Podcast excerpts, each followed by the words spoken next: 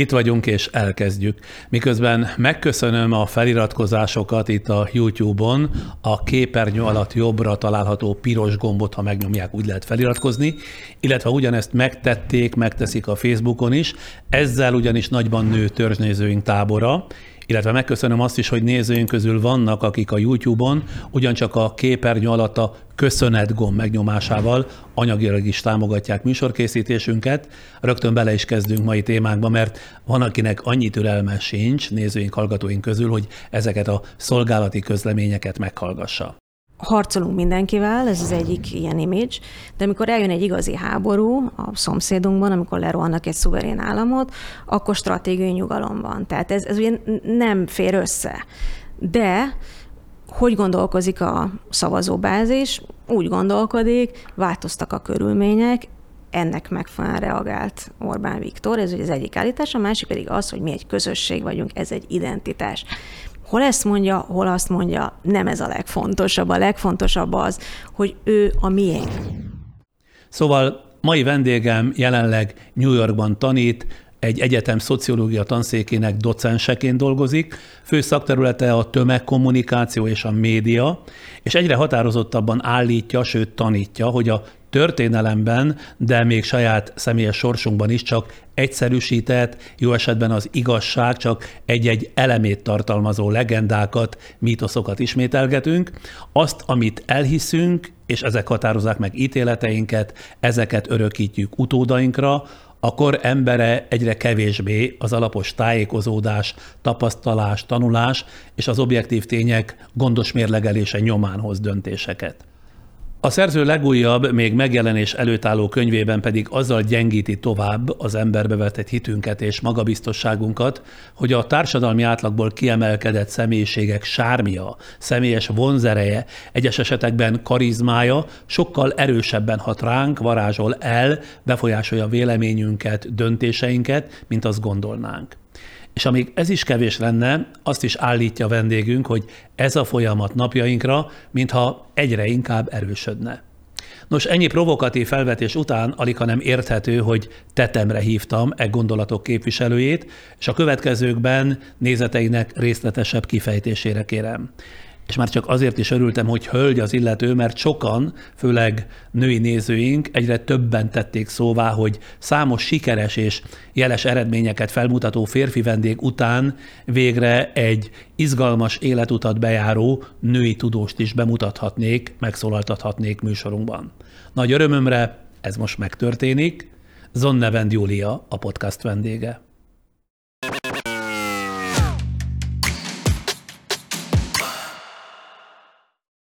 Ahogy az a bevezetőből, meg majd a beszélgetés későbbi részéből is ki fog derülni, ugye ön 16 éve Amerikában, közelebbről New Yorkban él, ott tanít, de időnként hosszabb, rövidebb időre haza-haza látogat. Most például családi okokból vagy munkavégzés miatt van itthon?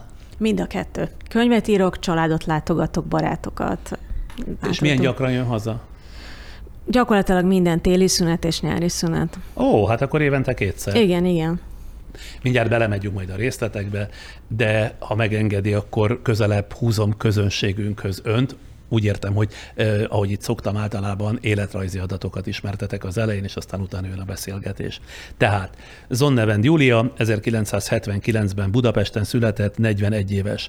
Anyja könyvtáros és tanár volt, apja a főiskolai tanárként és ugyancsak könyvtárosként dolgozott, a szülők egy időben mindketten a Széchenyi könyvtárban dolgoztak. Két bátyja van, egyik Stockholmban, Svédországban él, műszaki igazgató a Volvónál, a másik bátyja az ENSZ Nemzetközi Atomenergia Ügynökségnél Bécsben dolgozik, közgazdász végzettségű.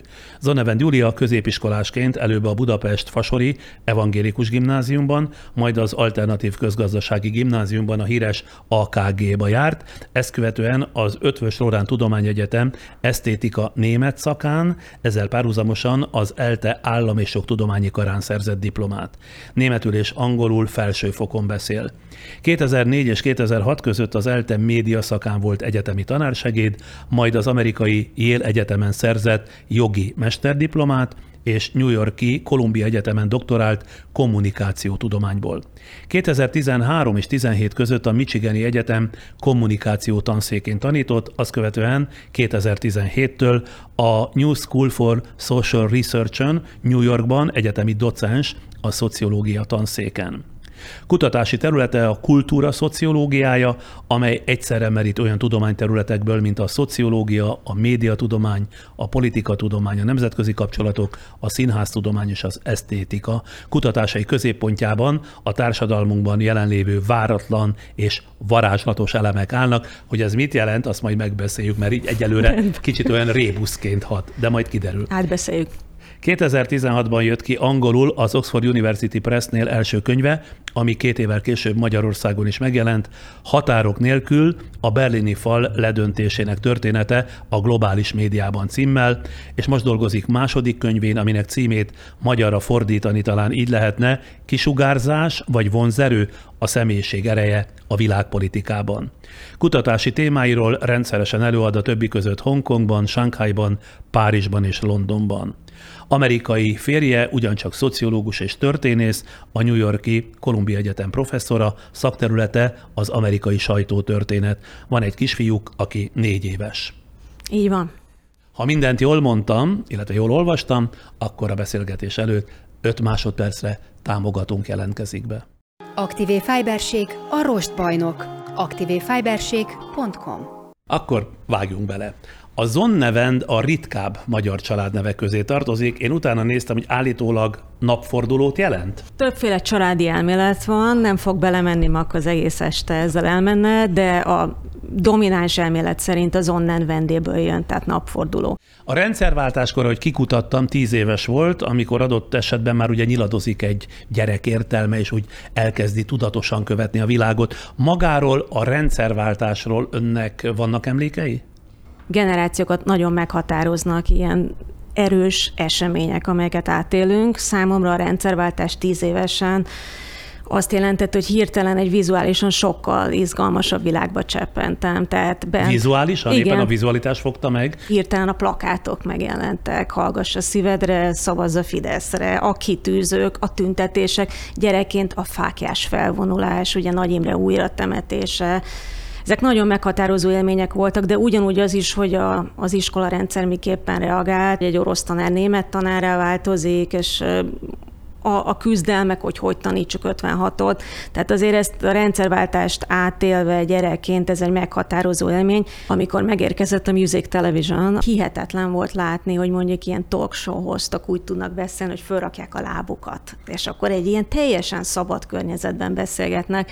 Én ezért sem aggódom egyébként a média használaton. Sokszor megkérdeznek, mint médiakutatót, hogy nézzene a gyerek annyi tévét, meg ilyenek. Én rengeteg óra tévét néztem gyerekként, különösen Music Television, Friderikus Show. A, Tényleg? Ugye, hát hihetetlen, tehát az, hogy egy ilyen tarka kertésznadrágban, vagy zebracsinkos zakóban, vagy hogy Mindenre megérkezik Jockey Ewing.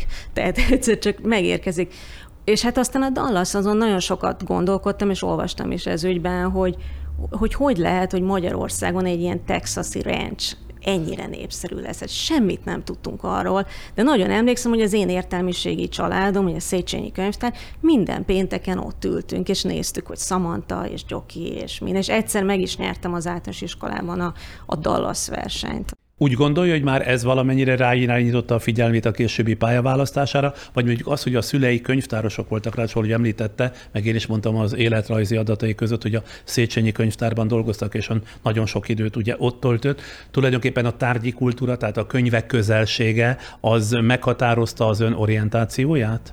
Azért az egy nagyon erős emlék, hogy, hogy úgy, úgy bolyongok a hetedik és az ötödik emelet között a Széchenyi könyvtárban, a rengeteg olvasás a szüleimmel, de azt hiszem, hogy ez a kettősség érdekelt akkor is, hogy, hogy egyfelől a magas kultúra, a könyvek, az opera, a klasszikus zene világa otthon, és egy időben megérkezik a Music Television, és ez az egész új nemzetközi televíziós világ. Szüleinek volt eleve elrendelt célja önnel?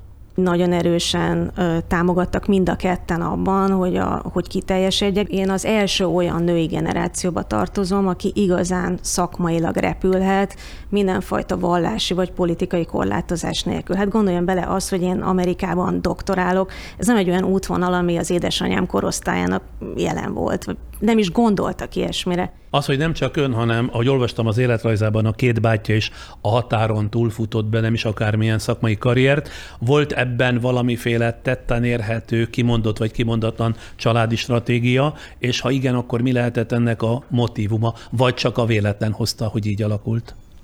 Édesanyám már nem él, de az édesapámnak azért ez nem könnyű, hogy mindegyik gyerek külföldön van, de egyben nagyon büszke is rá. Mindenki más döntéseket hozott, például a gyerekvállalás ez egy komoly elem, tehát milyen oktatási rendszer van, milyen egészségügy van, de mindkét bátyám különböző értékrendszer mellett döntött, tehát nem, és semmiképp éppen nem volt ilyen stratégia, hogy mind elmegyünk egyszerre, ez fokozatosan történt. De az például egy megfontolás tárgyát képezte, hogy egy adott országban milyen az oktatás, milyen az egészségügy, annak alapján választottak esetleg új célpontokat? Két bátyám különböző okokból döntött így, mind a kettőnél volt szakmai elem, a, a, és volt egy olyan elem, hogy gyereket akartak, az egyiknél már meg is volt a gyermek, és hogy mi az a, az ország, aki ehhez ráadásul támogatást is nyújt, mondjuk. Középiskolásként, mint említettem, az Alternatív Közgazdasági Gimnáziumba híres AKG-ba járt. Az itt szerzett élmények és tapasztalatok hatására állítja-e azt, hogy az ember életében meghatározó jelentősége van az iskolának, annak az iskolának, ahol megalapozza az ember a felnőttségét? Nagyon. Mondok egy példát. Tehát minden héten teáztunk az igazgatóval, Horn Györgyel ez nekem akkor egy teljesen... Már te... akkor is Hornigyan volt az igazgató? Igen, igen, igen. És azért gondolja el, gimnazistaként leülünk az igazgatóval, és átbeszéljük, hogy mi zajlik a világban, milyen döntések születnek az iskolában. Most már sokat gondolok erre, vagy például volt egy padlószőnyeg, és akkor estig ott hevertünk és vitatkoztunk. Tehát ezek nagyon meghatároznak. Ugyanígy egyébként az, hogy az általános iskolában volt egy oktatóm, akit a Soros Alapítvány kiküldött Amerikába, és megtanulta a kinti vitakultúrát, és ezt hazahozta, és megtanulta megtanította nekünk, hogy csapatokban hogyan lehet olyan kérdésekről vitatkozni, mint például az abortusz vagy az eutanázia tíz évesen. Hirtelen így a rendszerváltás pillanatában volt egy oktató, aki ezt átadta. Én nem tudok fontosabb dolgot elképzelni befektetésben, mint a gyerekoktatás. Hát például a férjemmel ezt minden évben, amikor végig gondoljuk, hogy mire költünk, mi fontos, az, hogy a gyerekünk nagyon kiváló, nagyszerű oktatásban létesüljön, ez a legfontosabb. Azt meg tudja mondani, ha egyáltalán vannak ilyen emléke, hogy mennyiben változtatta meg az ön gondolkodását, szemléletét az AKG? Például szabadon raktam össze az órarendemet. Ez egy döntés volt, hogy mi érdekel, milyen Már nyelvek... 14 évesen. Igen, igen. Tehát 16 voltam, mire átkerültem az AKG-ba, és ez a fajta hétköznapi szabadság, vagy hogy például az iskola célja nem az, hogy szétstresszelje a gyereket. Ugye van egy ilyen szülői elképzelés, ilyen szülői szorongásból jövő dolog, hogy a gyereket be kell tenni egy ilyen versenyistálóba, és minél több dolgozat, teszt, hajrá. Ezzel szemben az AKG-ban heteken át vitatkoztunk, beszélgettünk társadalomtudományi kérdésekről, beszéltünk hosszan Kínáról. Tehát olyan És akkor is, hogyha különböző ilyen... kulturális szintről érkeztek, akkor is egy szintre húzta önöket az iskola? Nagyon dolgozott ezen az iskola, de én azt gondolom, hogy legalább annyira fontos volt az, hogy boldogok legyünk. Tehát van egy ilyen szlogán, vagy jelszó kint is az iskolában, hogy, hogy tényleg nem a jövőre, nem az életre nevelünk, hanem ebben a pillanatban létezünk. És mellett azért volt idő tanulni is? Már ugye rendes tantárgyakat elsajátítani? Egyszerre tanultuk a korszakokat zenéből, irodalomból és festészetből. Tehát nem az, hogy különböző órák, különböző pillanatokat sugalnak, hanem egyszerre látunk egy történelmi korszakot a különböző területeken. Ez nekem nagyon sokat jelentett akkor. Eléggé későn értem haza minden nap és rengeteget tanultam, tehát én mindig is ilyen tekerő alkat voltam, ugyanúgy, mint az Oltai Katától hallottam itt a beszélgetésben, hogy élvezte a tanulást, én is élveztem a tanulást, de én csak szabad környezetben tudok tanulni. Ez érdekes, hogy általában mindig nők említik ezt. ezt Tehát még férfi nem volt, aki azt mondta, hogy élvezte a tanulást, eddig csak a női alanyok, női vendégek mondták ezt. Lehet, Igen. hogy ez jellemző, lehet, hogy nem. Ez, ez érdekes, nem tudom, hogy ez így van-e, de, uh-huh. de én biztos, hogy élveztem, de nem ezt a nagyon poroszos, hagyományos dolgot. Én ezt idővel felmértem, hogy én csak olyan helyen tudok sikeres lenni, ahol szabadság van. Na most a középiskola után a jogi karra felvételizett, de párhuzamosan a joggal a bölcsész szakot is kijárta. Ez az egyszerre vagy párhuzamosan két egyetem a célokat illetően valamiféle bizonytalanságot jelent, vagy már ekkor is ö, sokféleségre törekedett? Engem mindig is túl sok minden érdekelt, én ezt boldogan elismerem most is és ez így jó. Tehát ez akkor is így volt. Azt egy idő volt felmérni számomra, hogy csak azért, mert valami érdekel, nem muszáj diplomát is szerezni belőle. Tehát például a média szak ilyen, hogy beültem rengeteg órára, de addigra már fölmértem, hogy nem kell feltétlenül abból is egy diplomát szerezni. Ja, Azt, mert hogy járt jogra, járt akkor német esztétikára, és még akkor időnként média szakot hallgatott? Beültem a média szakra, igen. igen. Tudja, ez egy ilyen hosszú folyosó az eltén, van esztétika, média, film, és akkor az ember úgy beült különböző órákra, és akkor ott volt Spiró György, ott volt Szilágyi Ákos, György Péter, Radnóti Sándor, és hát lehetett szárnyalni, beszélgetni, olvasni közösen, fantasztikus élmény volt, de talán azért is, mert én tényleg sokszor elmondom egyébként szülőknek is, hogyha megkérdeznek, hogy tudom, mi a sikertitka, ha tanítványaimról van szó. Én tényleg nem hiszek ebben a nagyon korai specializációban. Azért főleg, mert én doktoranduszokkal, mester szinten is dolgozom, ugye diákokkal, és látom hosszú távon a, a pályák íveit. Csak hogy jól értsem, Igen. tehát azt mondja, hogy túl korán nem lehet a gyereket egy pályára, egy vágányra állítani? Igen, ez egy szülői vágy. Én azt gondolom, hogy nagyon sok szülő azt gondolja, hogy akkor lesz sikeres a gyerek, ha tíz évesen eldönti, vagy legkésőbb 14 évesen, hogy milyen pályára áll, erre készül, ez, ezeket a külön órákat végzi, és így tovább. De én azt látom, vannak kivételek az én baráti körömben is, hogy alapvetően, ha ez történik, hogy ilyen nagyon szűken állítjuk be a gyereket korán, akkor nincs lehetőség, hogy felfedezze, hogy mi érdekli, és nagyon-nagyon hamar kiég. Erre mondjuk ellenpélda, ami hirtelen eszembe jut, a polgárlányok esete, a sakkozó lányoké. Az édesapjuk gyakorlatilag a pójában elkezdte őket összeismertetni a sakkal, és amikor nyilatkoznak, többször volt vendégem, egyik vagy másik polgárlány, mindig azt mondták, hogy egyáltalán nem érték meg kényszernek, és lám világbajnokot faragott belőlük az apjuk így módon. Tehát akkor ez a szabályt erősítő kivétel esete lenne? Nyilván a szakmán is múlik, tehát lehet, hogy a sakk esetében ezt tényleg rendkívül korán el kell kezdeni, és a gyereket erre rá kell állítani. De ha az a célunk, hogy egy boldog ember legyen a végén, aki szabadon dönthet az útvonalairól, akkor nem annyira jó ötlet ezt ennyire korán beszűkíteni. Én és az ember megfigyeli, hogy a gyereknek uh-huh. mire van igénye, mifelé orientálódik, és akkor azt tolja alá, vagy abba az irányba terelgeti, az más. Nyilván én, én ezt a saját gyerekemnél is így látom, hogy ami érdekli, zene, nyelvek, akkor azt egy kicsit úgy alátolom, és segítem benne, és beszélünk róla.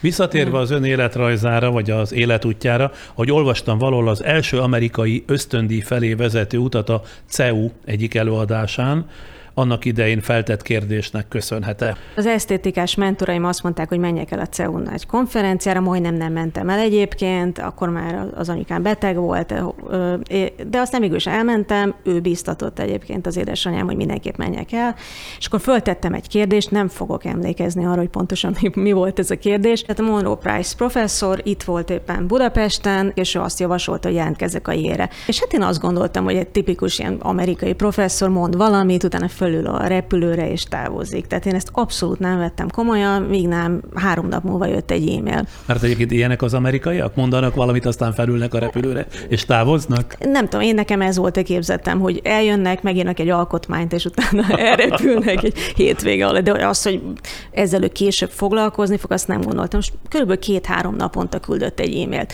Készül a tesztekre, megírta a felvételi eszét, és így tovább. És én nem akartam elhinni, de olyan nyomást gyakorolt, hogy végül is beadtam a jelentkezést, És akkor teljesen emlékszem, hogy a bátyámmal egy brazil szappanoperát néztünk éppen. A, mi más? A, mi mást, ugye? Akkor ugye az nagy sláger volt. És akkor így csörgött a telefon, és a Yale jogi karának dékánya volt a Harold Hongyuko, akkor azt mondta, hogy fölvettek amikor elindul a Yale Egyetemre, akkor tulajdonképpen csak egy egyetemi időszakot gondol kint tölteni, vagy pedig már akkor foglalkoztatta esetleg a kitelepülés gondolata? Nem foglalkoztatott az elején. Én, én tényleg azt gondoltam, hogy ez egy mesterprogram, de aztán teljesen beleszerettem az egészbe. Mibe? az egyetemi kultúrába. Tehát azt nem állítom, hogy megismertem Amerikát, ugye New Havenben voltam, és éjjel-nappal tanultam, tehát nem az volt, hogy körbeutaztam és láttam volna, azt nem állíthatom, hogy az amerikai álom volt, amit, amiben hirtelen beleszerettem, hanem az egyetemi gondolkodás szabadságába, illetve abba a szintbe, ami ugye nem volt könnyű az elején nyilván. Mi volt a különbség? Hát hiszen túl közeli volt a magyar egyetemi élménye, ha összehasonlította a kettőt. Hát egész más. Ugye a Yale jogi kara az egy olyan intézmény, ami a, az amerikai elnököket is képzi. Tehát nagyon híres végzetjei vannak, tehát aki oda megy, az egyik lehetséges karrier útvonal az az, hogy ő az Egyesült Államok elnöke akar lenni. Na most voltak ott gyerekek, akik ezt tényleg komolyan gondolták. És ez Maga azt... azt nem gondolta komolyan, mert ugye az ott kell születni. Igen, tehát én tudtam, hogy nekem esélyem Nem sincs, lesz amerikai, nem, igen. első amerikai igen. elnöknő. Igen, tehát arra nem volt esély, és ez egyfajta könnyebbséget jelentett, de ez úgy nézett ki, hogy mondott valamit a professzor, föltett egy kérdést, és minden egyes kész fönn volt. És akkor én ültem egy ilyen nagyon hangos régi laptoppal, közepes, oké, okay, angol tudással akkor még, és hát szent döbbenettel néztem, ugye az eltén azért az volt cool, hogyha az ember néha válaszolt, néha nem válaszolt, kicsit hátradőlt, tehát, tehát, tehát ez, hogy folyamatosan fel van a készet, ezt nem csináltuk. És elképesztő mennyiségű munka. Tehát ha bementem hajnali kettőkor a könyvtárba, akkor mindig volt ott. Nem egy diák volt, hanem tele volt. Tehát egyszerűen azt láttam, hogy tehát nem könnyen szerzett tudást láttam, vagy laza repülést, hanem nagyon kemény, határozott munkát. És ez a fajta célorientáltság, tehát hogy tudják, hogy mi a céljuk, és ennek érdekében mindent megtesznek, ugye? Igen, és hát nyilván nagyon nehéz bekerülni, tehát ezek eleve már nagyon képzett diákok voltak, de alapvetően ez jellemezte ez a végtelen mennyiségű alázatos munka, ami belemegy, és utána pedig kiváló kommunikációs képesség, ami ugyancsak nem egy olyan dolog, amit Magyarországon az iskolákban tanítanak, tehát hogy ezt, ezt látom a saját diákjaimnál is, fantasztikus prezentációs képességek, és nagyon jó válaszolási képességek. Mármint, Visz... hogy ez az amerikai diákokat igen, jellemzi. Igen, viszont az is igaz, hogy ugye a magyar diák megtanulja elég korán, hogy akkor merjen merjen megszólalni, ha pontosan tudja a választ. Ugye nem merünk, mert majd a professzor megaláz, vagy ez lesz, az lesz, amaz lesz. Az amerikai egyetemi kultúra arra épül, hogy a diák megszólal. Tehát fölteszi a kezét, beszél. Akkor is fölteszi igen. a kezét, ha nem tud semmit? Akkor is fölteszi a kezét, Tényleg? igen. És ez egy nagyon más kulturális attitűd. És én idővel elkezdtem ezt nagyon értékelni. Nehéz volt Amerikába beilleszkedni? Egyáltalán nagyon-nagyon kelet-európainak érezte magát? Az elején nagyon. Reménytelenül. Hát arra emlékszem, hogy a, a zár fordítva nyílik, és úgy megérkeztem New Havenbe, és ott állok a lakás előtt, és nem tudom kinyitni az ajtót. Tehát ez egy ilyen nagyon erős emlék.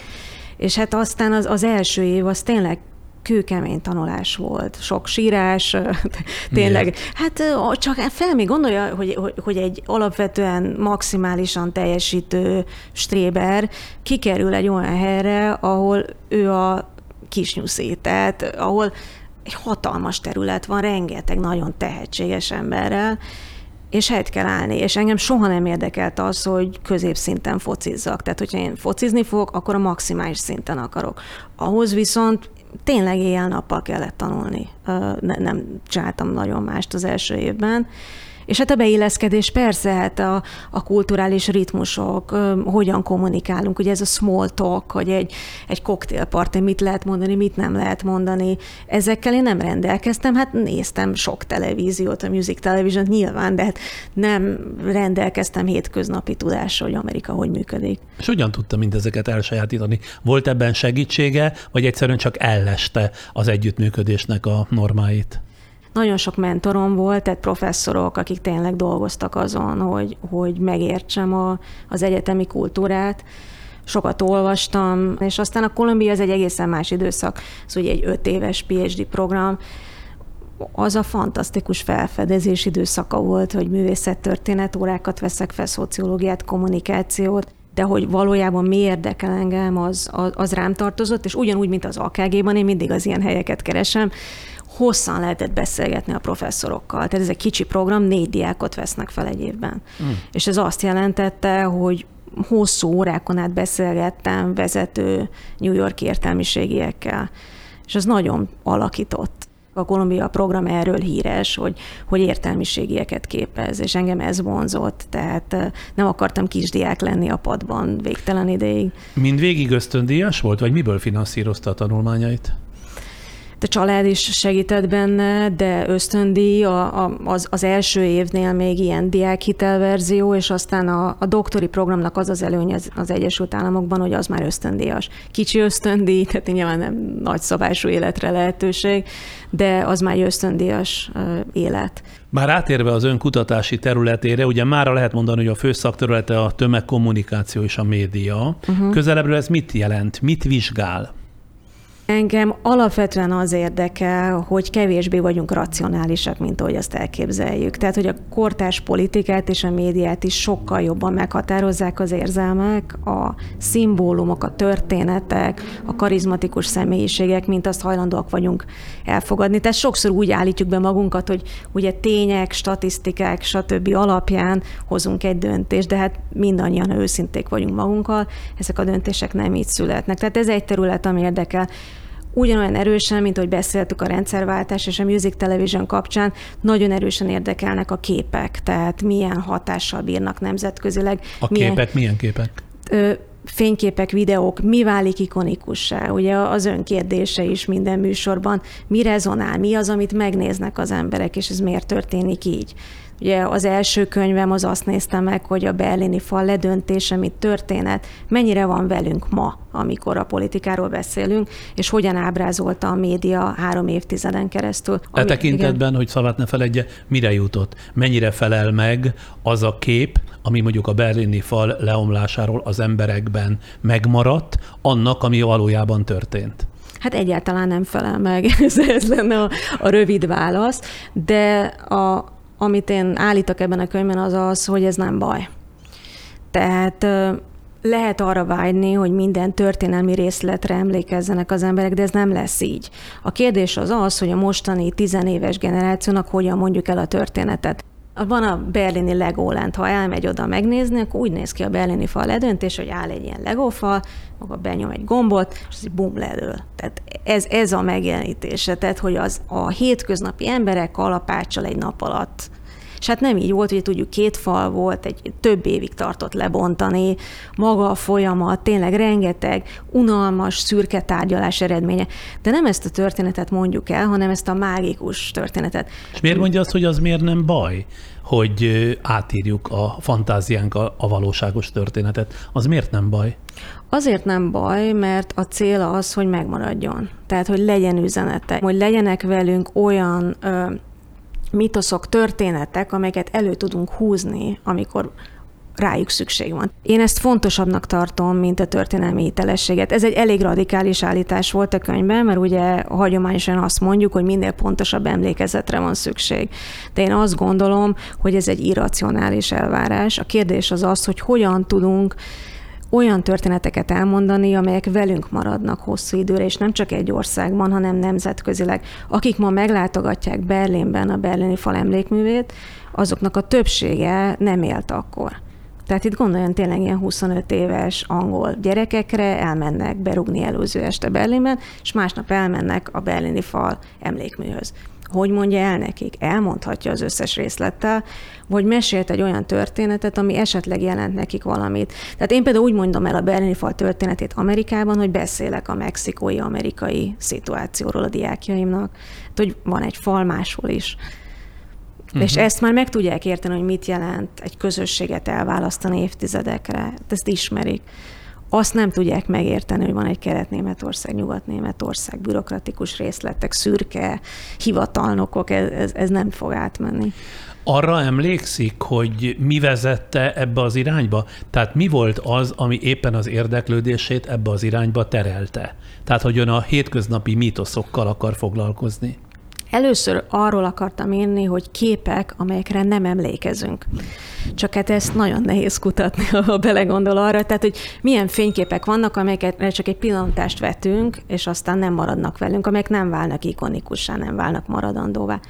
Tehát így indult a történet, és aztán egyre inkább rájöttem, hogy amire én valójában kíváncsi vagyok, az az, hogy hogyan mondunk el történeteket úgy, hogy azok maradandóvá váljanak. Tehát mik ezek a kortás mítoszok, amelyek meghatározzák a mai társadalmakat. Tehát ha azt mondjuk, hogy nem csak a tények, a statisztikák, a racionalitás számít, akkor mégis mire számíthatunk a mai társadalmakban, amelyekre építeni tudunk. Egyébként miért van így, ha már ezt ennél a témánál leragadtunk, miért van így, hogy mítoszokra építünk, ahelyett, hogy a racionalitás, a tények és az érvek igazítanának el bennünket? Talán emlékszünk, hogy először beszéltünk, azt mondta, hogy kell, hogy legyen egy narratíva, amire fölépül a beszélgetés. Egy történet, Egy igen. történet, ugye? Tehát ez a kérdés, hogy hogyan mesélünk a mai hétköznapokban. Az én szóhasználatomban a, a mítosz az egy hosszú távon jelenlevő jelentéssel rendelkező történet, tehát amire az emberek szeretnek hivatkozni, amelyre vissza tudnak térni. Tehát ha mondjuk azt mondja, hogy szeptember 11, ugye ez egy gyors, rövid név utal erre az eseményre, az emberek többsége tudja, az hogy miről van szó. Igen, az ikertornyok lerombolására. Vagy a holokauszt. Tehát van egy név, erre utalunk, és egy egész ilyen jelentés történet bontakozik ki, amikor ezt a szót mondja, hogy a holokauszt, vagy a trianon. Tehát van ennek rögtön egy mitológiája arra már van nyilván 16 éve Amerikában elegendő rálátása, hogy a mítosz teremtés, illetve a mítosz kezelés tekintetében összehasonlítható-e a magyar és az amerikai sajtó? Abszolút összehasonlítható. Tehát mondok egy példát. Nagyon erőteljes a vágy, mind Amerikában, mind Magyarországon, hogyha mondjuk egy politikus elkezd mesélni, és ilyen szabad dolgokat mond, amelyek ugye távol vannak a tényektől, akkor tényekkel válaszoljunk, azt mondjuk, hogy hazudik, ez, és felsoroljuk a tényeket. És akkor utána meglepődünk, hogy a politikus híveit ez egyáltalán nem érdekli. És miért nem érdekli? Azért, mert a magyar és az amerikai politikai élet is közösségekre épül, identitásra épül, tehát politikai törzsekre épül.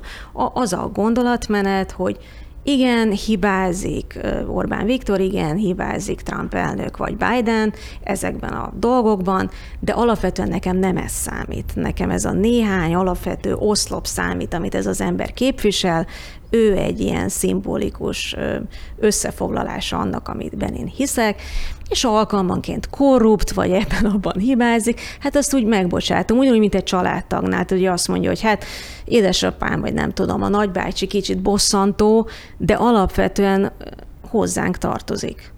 De akkor ez egyúttal azt is jelenti, hogy tulajdonképpen teljesen mindegy, hogy adott esetben a sajtó, amikor tényeket sorol, mit sorjáz? Mert úgyis úgy fog dönteni mindenki, ahogy egyébként az elkötelezettség vagy elköteleződése diktálja? Az illúzió, hogyha mondjuk megnézünk egy elnöki beszédet, és megállapítjuk, hogy abban kilencszer pontatlan volt, és ezt elmondjuk, ez feltétlenül meg fogja győzni annak a politikusnak a hívét, hogy hát nem, hát tényleg nem kéne rá szavazni. Tehát én azt gondolom, hogy itt van az, amikor túlzottan hiszünk a tényekben, és meg vagyunk döbbenve, de legyünk őszinték magunkhoz. Tehát, hogyha valaki ezeket a tényeket felsorolja, a, a mi politikai törzsünkkel kapcsolatban, mi is ugye azt mondjuk, hogy hát igen, ez tényleg kínos, ez az amaz, de alapvetően Mégis másra... csak oda tartozunk, vagy őt támogatjuk. Igen, és ezt nagyon nehéz elismerni. Egyébként a médiatudomány azt is nagyon sokszor kimutatta, például a klímaváltozás kapcsán, hogyha valakinek elmondunk rengeteg ellentétes tényt, akkor esetleg ugye azt képzeli az ember, hogy meggyőzzük. Nem. Ha valaki olyannal beszél, aki nem hisz a klímaváltozásban, és ezeket a tényeket egymás után sorjázza, akkor a kutatási eredmények szerint az illető még erőtes, hogy annál jobban fog benne hinni. Ennek mi az oka?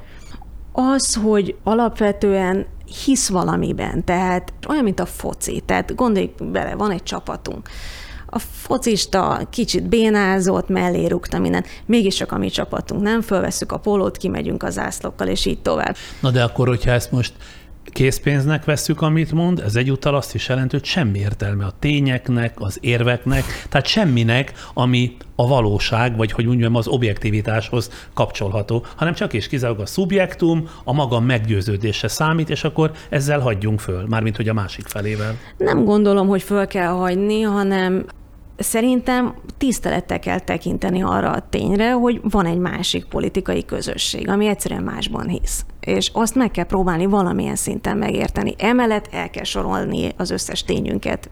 Ez, ez fontos. Felmérni, publikálni, a sajtó feladata továbbra is ez.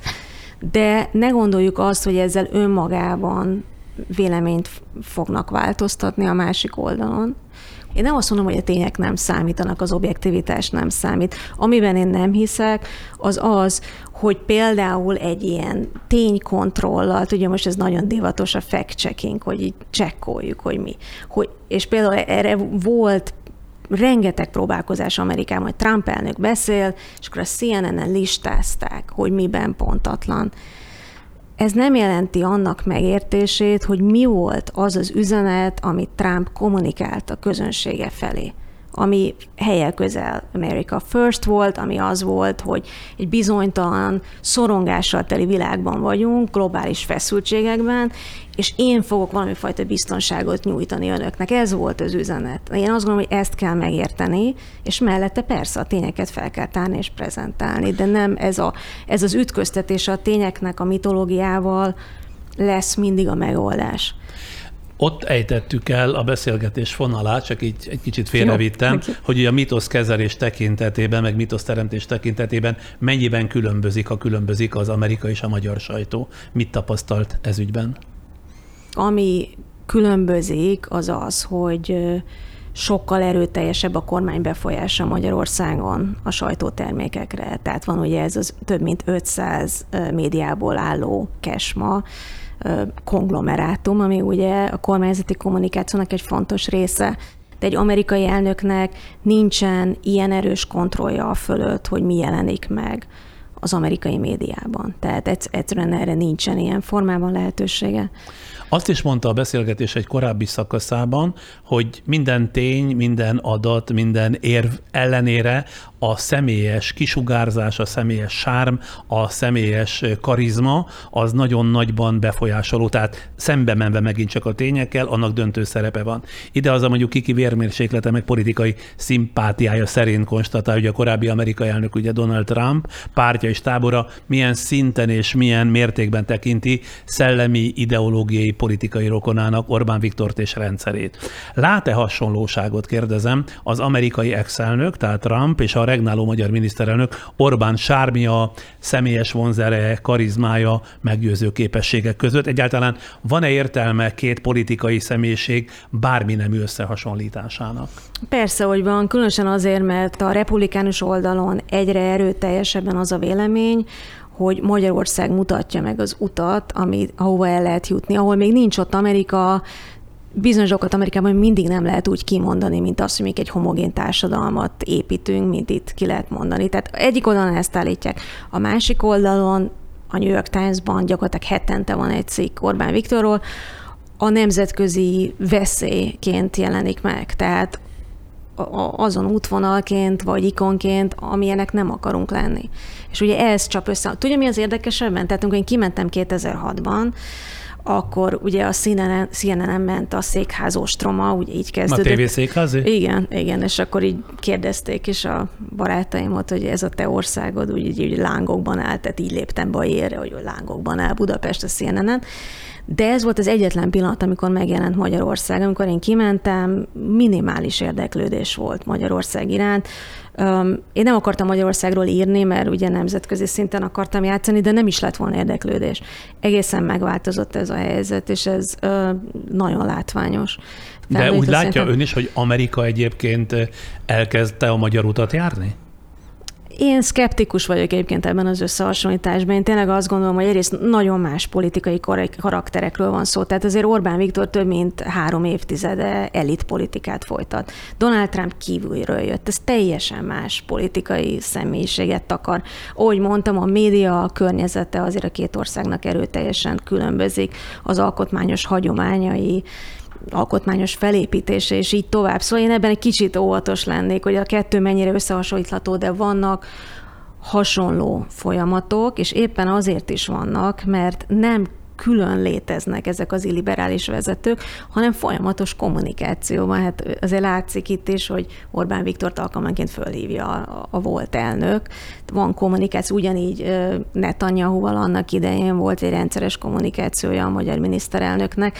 Tehát itt ugyanúgy, mint, mint más szakmákban, ők azért eszmét cserélnek és kapcsolatot teremtenek. Ha már Orbán Viktort emlegetjük új könyvének egy passzusa, a jelenlegi magyar miniszterelnök, tehát Orbán személyiségével foglalkozik. Jutott-e már bármiféle végkövetkeztetésre azzal kapcsolatban, hogy miben mutatkozik meg Orbán vonzereje? Egyáltalán a világ számára miért vált érdekessé? Pusztán a rebellis politikája miatt, vagy pedig van a személyiségében egy olyan erő, ami világszerte az érdeklődés tárgyává teszi őt? Én ugye Orbán Viktor Facebookját elemeztem, tehát ugye közösségi médiás megjelenését. A, ami nagyon érdekes ebben, amit, amit találtunk, és itt Kövesdi Veronikával dolgoztam az eltéről, az az, hogy azt kommunikálja Facebookon keresztül, hogy ő reprezentálja, ő jeleneti meg a nemzetet. Hogy csinálja ezt? Tehát ugye elmegy lángos tenni, disznóölésen vesz részt. Ezek nem konkrét politikai üzenetek, ez nem egy törvényjavaslat, amiről beszél, hanem azt mondja, hogy vannak ilyen úgynevezett magyar dolgok, mint például a lángos, és hogy mit teszünk a lángosra, és ő erről posztol. Ezt lehet úgy ilyen banális részletként tekinteni, de én azt gondolom, hogy ez egy sokkal érdekesebb jelenség. Ugye jelenleg Európában ilyen like bajnokságok terén Orbán Viktor legutoljára a negyedik helyen végzett, és ez részben azért... Milyen mezőnyben? Hát az európai politikus, vezetői politikus mezőnyben ő volt a negyedik, és sokan elemezték, hogy, hogy, hogy vajon ez miért. Az egyik válasz az az rá, hogy ő tényleg nem egy ilyen hagyományos diplomáciai képet mutat, tehát nem ilyen unalmas tárgyalások, stb., hanem van egy ilyen elem benne, ugye elmegy a disznóölésre, van az anyák napi pillanat, Teljesen váratlanul egyébként eh, azt gondolom bevezették ezt a kiskutyák gondozásának képeit, az unoka, a pelenkázása, és így tovább. És gondolja, ez olyan... mind-mind tudatos megfontolásnak az eredménye? Nem lehet, hogy ez az ő spontaneitásából is adódik, vagy nagyon naív vagyok, amikor ezt föltételezem? Hát ez nem spontán. Tehát ez egy 2006 óta egy dolgozóstábnak a professzionális munkája. Olyan, mintha a lényegéből egyébként ez következne. Hát ez a lényeg a kommunikációnak, ugye, hogy, hogy autentikusnak tűnjön. Tehát úgy tűnjön, mintha ha, ha tényleg így lenne. Egyébként ez az egyik állítása a könyvemnek, hogy még hagyományosan a karizma az a távolságra épül. Tehát ilyen nagy retorikai performanszok, mint Churchill, De Gaulle, és így tovább, távol a közönségtől. A mai politikus a vonzerejével azon dolgozik, hogy úgy tűnjön, mint olyan lenne, mint mi vagyunk. Tehát az az elképzelés, hogy lehet vele meginni egy sört. Na most ez szinte biztos, hogy nem fog bekövetkezni, de ezt akarja érzékeltetni. De visszatérve az Orbán képhez, itt az érdekes elem az tényleg az, hogy ő ezekkel a finom üzenetekkel, kommunikálja, hogy kitartozik a nemzetbe. Tehát amikor például pelenkázik egy gyereket, és azt mondja, hogy mindjárt visszaadlak az anyukádnak, hogy ebben benne van, hogy alapvetően a nő feladata ennek ellátása, de ő most egy pillanatra ebben a vonzókedves szerepben jelenik meg. Ez egy nagyon különböző szerep attól, ahogy ő mondjuk a New York Times oldalain szerepel. Mondok még egy érdekességet. Ugye egy populista vezetőtől azt várná, hogy a népről mond sokat alapvetően nagyon sokszor mutatja magát az elitpolitikában. Ez radikálisan más, mint a Donald Trumpi kommunikáció. Donald Trump a megjelent ilyen elitpolitikai, ilyen nagy NATO, meg EU-s, ez mindig úgy mutat, hogy ez rémes, tehát ki kell bírni, rettenetes, nem tudom. Orbán Viktor úgy prezentálja magát, hogy ő egy, egy ilyen harcos Dávid, ugye a Góliát ellen.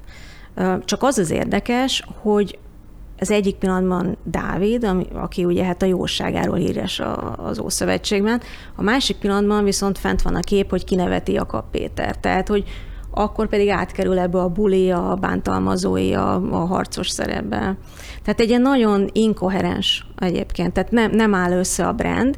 Ugye, Na de akkor ezt például mivel magyarázza? Mert hogyha egy nagyon professzionális csapat van, kommunikációs csapat van mögötte, hogy koherens legyen, arról azért ez gondoskodhatna ez a csapat, nem? Nyilván nem tökéletes a termék, amit előállítanak csak azért, mert professzionális és a nemzetközi politikai kommunikáció eszközeit alkalmazza. Mondva még egy példát, ugye harcolunk mindenkivel, ez az egyik ilyen image, de amikor eljön egy igazi háború a szomszédunkban, amikor lerohannak egy szuverén államot, akkor stratégiai nyugalom van. Tehát ez, ez ugye nem fér össze. De hogy gondolkozik a szavazóbázis? Úgy gondolkodik, változtak a körülmények, ennek megfelelően reagált Orbán Viktor, ez ugye az egyik állítás, a másik pedig az, hogy mi egy közösség vagyunk, ez egy identitás hol ezt mondja, hol azt mondja, nem ez a legfontosabb. A legfontosabb az, hogy ő a miénk. És akkor arra a kérdésre mi a válasz, hogy miben áll Orbán Viktor vonzereje? Jutott-e már bármilyen végkövetkeztetésre a könyveírása közben e tekintetben? A könyvben megnéz számtalan más nemzetközi politikus, Jacinda Arden, nézem Iránt, nézem Észak-Koreát, Németországot, és, és így tovább.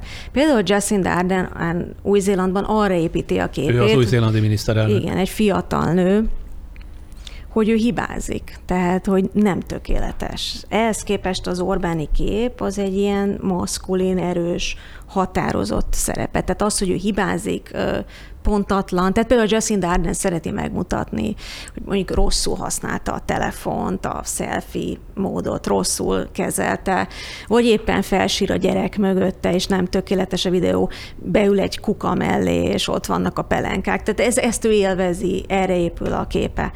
Az Orbán Viktori kép az ennél egy sokkal professzionálisabb elit politikusi kép, de közben elkezdték elmozdítani ebből, hogy például szelfiket készít. Nyilván látta ezt fiatalokkal. Szerintem tehát nem érzi magát különösebben otthonosan ebben a képi világban, hogy ő szelfizik, de ezt nagyon tudatosan elindították. De minden mellett én tényleg azt gondolom, hogy ez a nemzetábrázolás vonal, ahol az ő vonzereje kiemelkedik. Na de azt mondja meg, hogyha ez is, meg az is, tehát az Orbán Viktori módszer is, meg az új-zélandi miniszterelnök hogy módszere is beválik, mert ugye hát őket választják uh-huh. meg, akkor mire lehet ebből következtetni? Tehát mire gondoljunk? Arra lehet következtetni, hogy egy, a személyiségek sokkal fontosabbak, ezt ugye a politikatudomány sokszor állította, mint jelenleg, mint az intézmények, a törvények, a poliszik, és így tovább. Tehát egyszerűen jobban figyelünk a személyiségekre. Meg kell értenünk, hogy hogyan jelennek meg ezek a személyiségek. Amit tanulunk belőle az az, hogy a karizma radikálisan másképp működik, mint a 20. században. Úgy működik, hogy a politikus közel jön hozzánk, és ezt teszi különböző politikai oldalon. Egyébként kutatások azt is mutatják, hogy nemzetközileg a politikai kommunikáció egyre inkább hasonló populár, populista politikus vagy nem populista politikus bizonyos kommunikációs eszközöket alkalmazni fog, és elsősorban ezeket az eszközöket, hogy azt próbálja velünk elhitetni, hogy olyan, mint mi. Tehát, hogy el lehet vele menni a disznóölésre. Um, de például az is egy nagyon érdekes elem az Orbán Facebooknál, hogy a magas kultúra az minimálisan van jelen. Tehát ugye Ákos koncert van, disznóülés van, és így tovább. Ismeri azt a példát? Hát most tudnom kéne, hogy melyik kanadai miniszterelnök, semmiképpen sem a mostani, hanem talán kettővel előtte.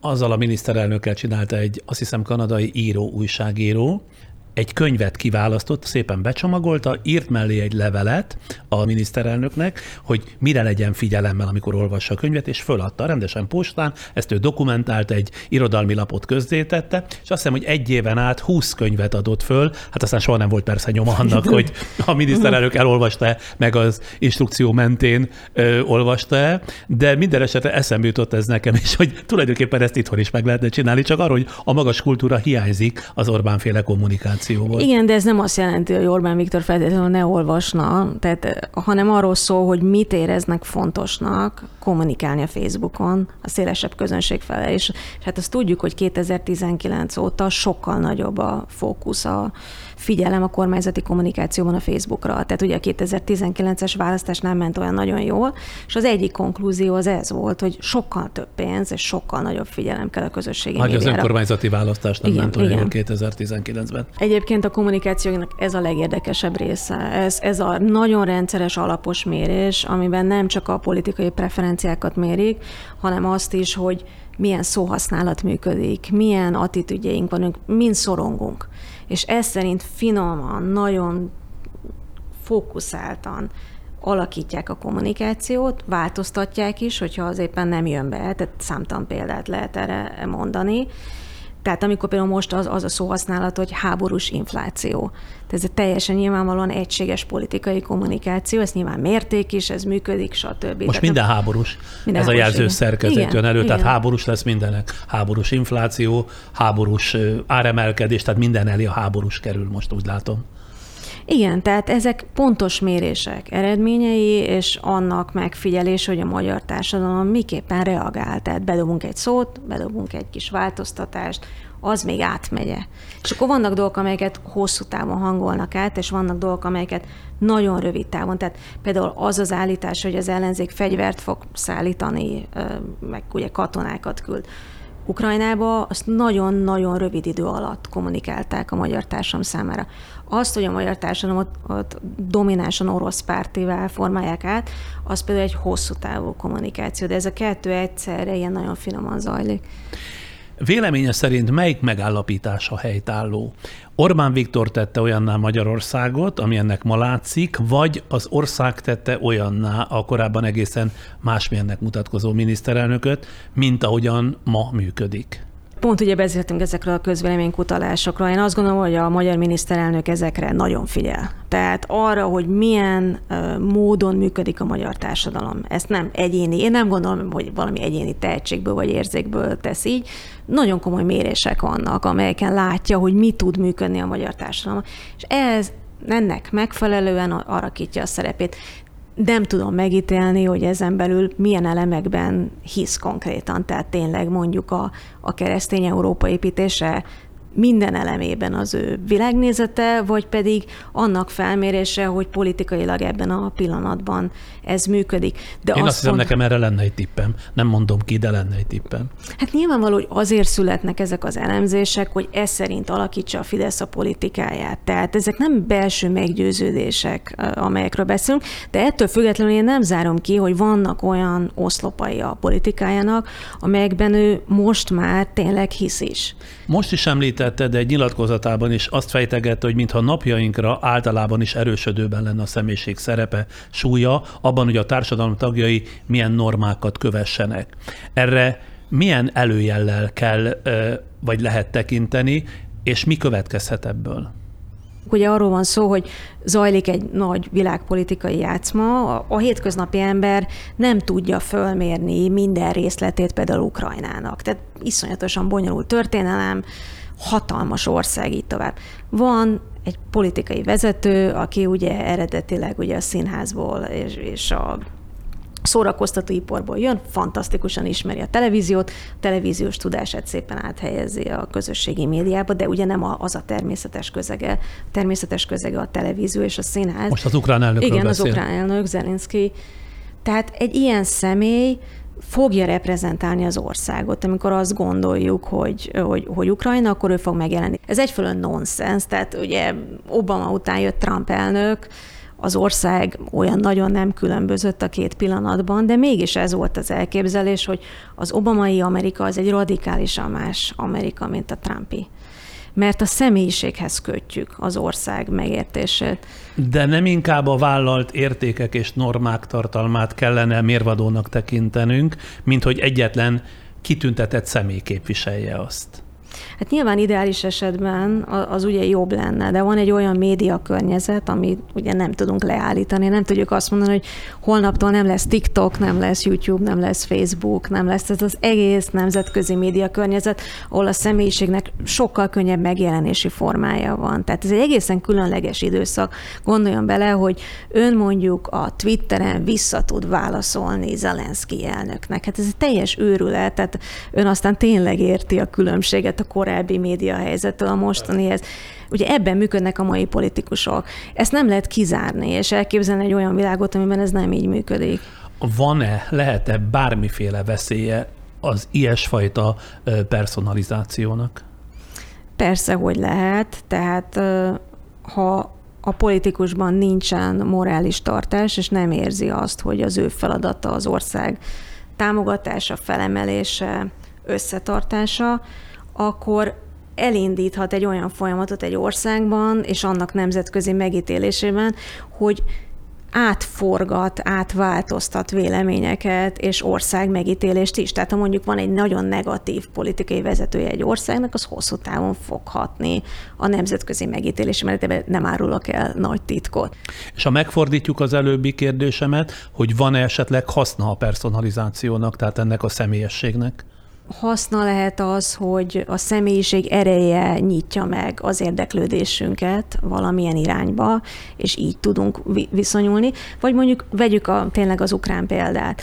Tehát az ő személyiségének a varázsa, a kommunikációjának az ereje Zelenszkének, konkrétan fegyverszállításokat eredményez. Tehát azért ez egy nagyon erős állításra belegondol. Zelenszky, aki nem hagyta ott az országát, amikor felajánlották, hogy menjen el, akkor azt mondta, hogy nem szállítást kérek, hanem töltényeket. Ugye ez ilyen teljesen televíziós mondat egyébként, ilyen azt a vista baby boom fog működni a nemzetközi média környezetben. Ez azt jelentette, hogy emberek sokasága, aki nem tud eleget Ukrajnáról, elkezdett viszonyulni a helyzethez. Ez nagyon hihetetlen fontos volt. Gondolj el egy olyan szituációt, hogy mondjuk az ukrán elnök fölült volna erre a washingtoni gépre, és elmegy. Ez egészen más helyzetet teremtett volna. Tehát minden esetre ez Zelenszky személyisége egyáltalán kiállása, és az egész háborúban viselt magatartása, ez hoz Ukrajnának, ön úgy gondolja? A közönség számára, a, a szavazóbázis számára Zelenszky lehetővé teszi, hogy elképzeljük, hogy mi a tét. Tehát ő megmutatja a pusztítást a, a, a videókon, és a személyisége révén, a családja révén, a gyerekei révén felmérjük, hogy mi a súlya ennek a konfliktusnak. Tehát ez, ez egyszerűen történetmesélés a hagyományos értelemben. Nem tudjuk felfogni a világpolitikai komplexitást, fel tudjuk fogni, hogy mit jelent ez a végtelen veszélyeztetett helyzet. Nem tudom, hogy ön is így volt-e vele, de mondjuk én sok napon át úgy nyitottam ki a laptopomat reggel, hogy él még, hogy nem él. Mi a magyarázata arra, hogy az utóbbi években egyre másra jelentkező, sokak befolyásolására szakosodott ezen személyiségek, mintha egyetlen termelő üzem futószalagjáról kerülnének elő, és akkor most nem tartok névsorolvasást az úgynevezett illiberális alvázra szerelt típus változatokból. Lehet, hogy a lappangó igényeink is segítenek ezeket az embereket pozícióba emelkedni? Lappangó igényen mondjuk mit ért? Lappangó igényen azt értem, hogy az emberben valamiféle központi vágy van, ezt leginkább a magyar helyzetről mondom, hogy valaki irányítsa, valaki mondja uh-huh. meg a merrét, tehát hogy merre kell haladnunk, valaki erős kézzel tegyen úgy, hogy ő majd a helyzetet uralja, ti csak bízzatok bennem, és altassátok el az aktivitásotokat. Szóval körülbelül ezeket. Ez egyrészt múlik az ország történelmi hagyományain, tehát nyilván Magyarországnál nem lehet a Kádár rendszert elfelejteni, mint egy, egy, egy mintát. Tehát van egy ilyen gondoskodói állami elképzelés. Egyébként az az érdekes, hogy ha nemzetközileg megnézi ezeket az illiberális vezetőket, vannak nagyon erős hasonlóságok, de jelentős különbségek is. Tehát a, a Trumpi kommunikáció az egy sokkal extrémebb, vadabb, durvább, belemenő kommunikáció volt, mint akár a magyar, tehát éppen ezért a, a női szavazókkal gond volt nagyon erőszakos tud lenni a hazai kommunikáció, de bizonyos határokat nem lép át. Tehát ugye anyák napján viszi a virágot Orbán Viktor, van egy ilyen késcsókom, ilyen gentleman szerep, amit ő szeret ellátni. Ez nem a klasszikus Trumpi kommunikáció, gondolunk Bolsonaro-ra, van egy Netanyahu-ra, gondolunk a Fülöp-szigeteki helyzetre, azért ezek különböző politikai személyiségek, bizonyos elemek hasonlóak, de azért nem beszéltünk arról, hogy ez teljesen ugyanaz ha már személyiségekről van szó, a maga módján az elmúlt évtizedek egyik legmeghatározó politikai személyisége kétségtelen Angela Merkel volt, ugye? Ő nagy valószínűséggel valóban korszakformáló személyiség volt, és tulajdonképpen az Angela Merkel leköszönésétől kezdve eh, lettek igazán láthatók a közte, meg az újonnan felszínre kerültek közötti alapvető különbségek. Na most a kérdésem az, hogy van-e magyarázat arra, hogy miért mentek ki a divatból a Merkel típusú személyiségek, és milyen igények hozták felszínre a ma inkább kurrens karaktereket? Ő tényleg egy ellen példa abban az értelemben, hogy például a Covid korszak idején kiállt egy ilyen hagyományos videó, és felsorolta a statisztikai tényeket, elmagyarázta a vírus reprodukciós rátájának részleteit, tehát olyan dolgokat, amelyek soha nem működnének mondjuk az amerikai közéletben. De az az érdekes a Merkelben, hogy 80%-os elfogadottsággal ugye fejezte be a pályafutását. Tehát egy minden faktor szerint egy végtelenül sikeres politikus volt, és hát azért ez nem rég történt. És az a kérdés, hogy egy ilyen típusú személyiség elő tud-e bukkani, én azt nem gondolom, hogy ez lehetetlen. Önnál az az érdekes, hogy ő autentikus volt, de nem volt szüksége ezekre a trükkökre, hogy ezt elérje. De azért gondoljunk bele az elejét a kelet-európai háttérrel, a, a kezdeti botladozásokkal, a kol melletti ilyen, ilyen kis szerep, ami, ami volt a Merkeli, azért az egy hosszú, nagyon komoly női pályafutás, aminek a végén látjuk ezt a, az igazi mai Merkelt. Egyébként miért hasznos, hogyha ezeket kutatja és ezekre rámutat? Tehát hol van ennek mondjuk úgy a társadalmi haszna, hogy most valami magasztos kifejezéssel éljek? Tehát a társadalmi haszna az, hogyha tényleg azt gondoljuk, hogy a személyiségek határozzák meg a kortárs politikát, akkor hajrá, meg kell értenünk, hogy ez hogy működik, és nincs elég róla. Én ugyan a politikára figyelek ebben a könyvben, ott szeretném ennek az erejét bemutatni, de ezt szépen át lehet emelni a hétköznapi életbe. A vonzerő egy olyan tulajdonság, ami bárkinek lehet, tehát lehet az óvónőnek, az expasinknak, így tovább. Tehát ez nem egy olyan tulajdonság, amivel csak a politikus rendelkezik, és mivel mindannyian, hát nem mindannyian, de nagyon sokan a közösségi médiában is felépítünk egy képet magunkról, ezeket a technikákat mi magunk is alkalmanként alkalmazzuk. Alig 10 másodpercre megszakítjuk a beszélgetést, támogatónk kér szót, de rögtön visszajövünk. Neked sincs időd egészségesen étkezni. Az Activé Fiberség másodpercek alatt elkészül, órákra eltelít és dínyeltes rossz kombinációja támogatja az emésztésedet. Folytatjuk Zonnevend Júliával, Amerikában élő médiakutatóval, kulturális szociológussal. Lazításként kisé talán távolodjunk el a politikától, hiszen számos egyéb, jó lesz. egyéb eset gyakorló terepet mm. kínál. Hoznék egy nem régi példát. Az elmúlt hónapokban nem csupán a világ bulvár témákra kihegyezett közönsége követte nyomon az amerikai színész házaspár, Johnny Depp és Amber Heard bírósági perét. Volt a akit a sokmilliós perérték, másokat meg nyilván a küzdőfelek küzdelme érdekel. Ön a mondjuk úgy szociál antropológus hogyan értékelte a joginak álcázott ügy szereplőit, a szereplők működését? Ez olyan érdekes kérdés egyébként. Johnny Depp behozhatatlan előnyből indult, tehát ő a nemzet kalóza Amerikában. Imádjuk a kalózokat. Tehát ugye a Karib-tenger kalózai film, ami őt tényleg nagyon meghatározza.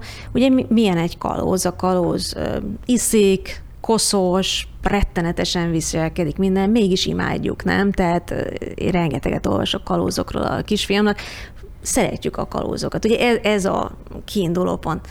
Na most az a kérdés, amikor a nemzet kalózát megtámadják, mégpedig ugye egy ilyen kamerák előtti bírósági tárgyaláson, akkor ez egy nagyon erős reflex volt a közönségben, ez a védelmi reflex. A másik dolog, ami szerintem érdekes volt ebben a történetben az, hogy ez későn jött ugye a MeToo movement, tehát a MeToo mozgalom történetében, tehát ha mondjuk talán kicsit előbb történik, nem vagyok benne biztos, hogy az ítélet így alakul. Tehát itt, itt már azért ennek kicsit gyengült a mozgalom ereje, amire ez a történet épült. Ami egy nagyon nehéz dolog, és, és szerintem ezért ért morálisan tényleg nagy kérdés, hogy, hogy jó ötlet volt-e a kamerákat beengedni, hogy az ilyen típusú családon belüli erőszakos eseteket nagyon nehéz igazolni. Ha állandóan dokumentál a nő, akkor az ugye nem hiteles, ha, ha nem dokumentál, akkor nem történt meg, és így tovább. Tehát Alapvetően, amint beengedték a kamerákat, egyetlen egy kérdés volt, kinek a performance lesz autentikus, tehát kinek a, az előadását fogjuk elhinni. De én mondjuk azt kérdezem, hogy milyennek látta a személyes varázsukkal élő, vagy visszaélő fő- és mellékszereplők kommunikációs teljesítményét. Hát akinek fantasztikus kommunikációs teljesítménye volt, ez a Johnny Deppnek az ügyvédje, ugye ez a kolumbiai, kubai ügyvédnő, aki elképesztően lőtte Hördöt. Azt hiszem ki is nőtte magát az ügy főszereplőjévé. Igen, aki ugye egyébként nem volt egy nagy ném, gyakorlatilag egy no-name, az látszik, hogy mivel a kamera jelenlét ott volt, utána egy nagyon erőteljes digitális közösségi média, TikTok különösen, hadjárat indult el Johnny Depp védelmében. Részben nem tudjuk, hogy mennyire organikusan, vagy mennyire irányítottan, de ez, ez nagyon erőteljesen jelen volt és Amber Heard performance állításai ezzel szemben a nemzetközi médiában nem tűntek ugyanolyan erősnek. Ez ugye semmit nem mond el arról, hogy a történetben kinek volt igaza, és én a végén egyébként azt gondolom, hogy egy ilyen történetből senki nem jön ki jól. Megnyerte Johnny Depp, de ezt a elképesztő mennyiségű szörnyűséget, amit végighallgattunk heteken, hát ezt nem fogjuk elfelejteni. És egyébként milyennek értékelte a mítosz gyártó, illetve mítosz forgalmazó média teljesítményét ebben az ügyben? nyilván ráment a, a legvadabb, legdurvább történetekre, és ezeket ismételte, de azért azt is látni kell, hogy ez már egy olyan média környezetben zajlik, amit nem csak az elit média kontrollál, tehát itt nem csak a Fox News és a CNN közvetít, hanem a teljes közösségi média közeg. És hát ember legyen a talpán, hogy ha mondjuk azt gondoljuk, hogy Amber Heardnek igaza volt, ebben a struktúrában nyerni. És mit tart a hírfogyasztó publikum reakcióiról és érzelem hullámairól e tekintetben? Én nem gondolom, hogy ez radikálisan más lenne, mint mondjuk az O.J. Simpson történet volt. Tehát a, ami, ami változott, az a közösségi média környezet, de alapvetően az emberek, és itt kell elismernünk, hogy a kortárs társadalmak ugyanúgy működnek, mint a hagyományos társadalmak, hogy keressük az ilyen hatalmas érzelmi töltető pillanatokat. Egyébként a celebekre ezért van nagyon nagy szükség. Én, én, én nekem pozitív képen van a celebekről, el is olvasok, amit tudok e- ezekben. Tényleg? Az, igen. Olvas plegykalapokat? Olvasok plegykalapokat, büszkén, mert azt gondolom, hogy társadalomtudományilag fontos.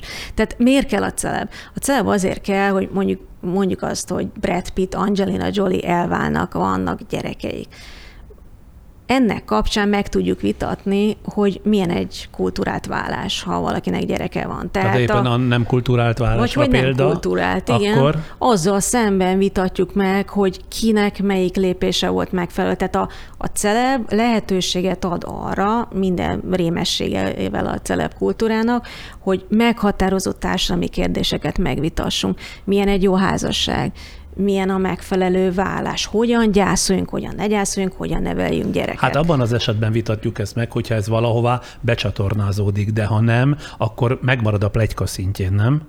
De mi az a plegyka szint, Sándor? Hát Te... úgy értem, hogy jól megbeszéljük, de a tanulságokat, pont ez a kérdésem, mm. hogy ebből bármilyen tanulság az emberek életére levonható, mondjuk a Johnny Depp féle perből? Igen, tehát például elindított egy beszélgetést arról, hogy mi számít családon belüli erőszaknak, mi számít megerőszakolásnak, hogyha egy párkapcsolatról van szó.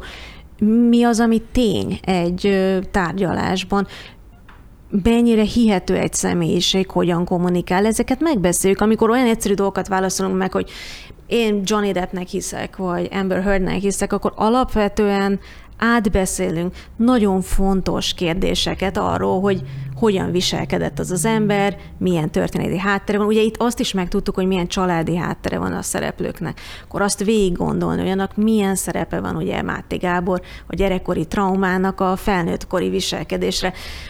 Például a családon belüli erőszak, ez egy olyan téma, amiről még mindig nem beszélünk eleget, és ez lehetőséget adott arra. Egészen más dimenziót jelent az orosz-ukrán háború esetében is, legalábbis Magyarországon én úgy gondolom, hogy minden bizonyal. Nem tudom, hogy szokta olvasni, amíg itthon volt, de gondolom, hogy Amerikából is a hazai médiumokat, ahol a közönség nagyon gyakran anonim módon nyilvánulhat meg az ügyről és a benne résztvevőkről.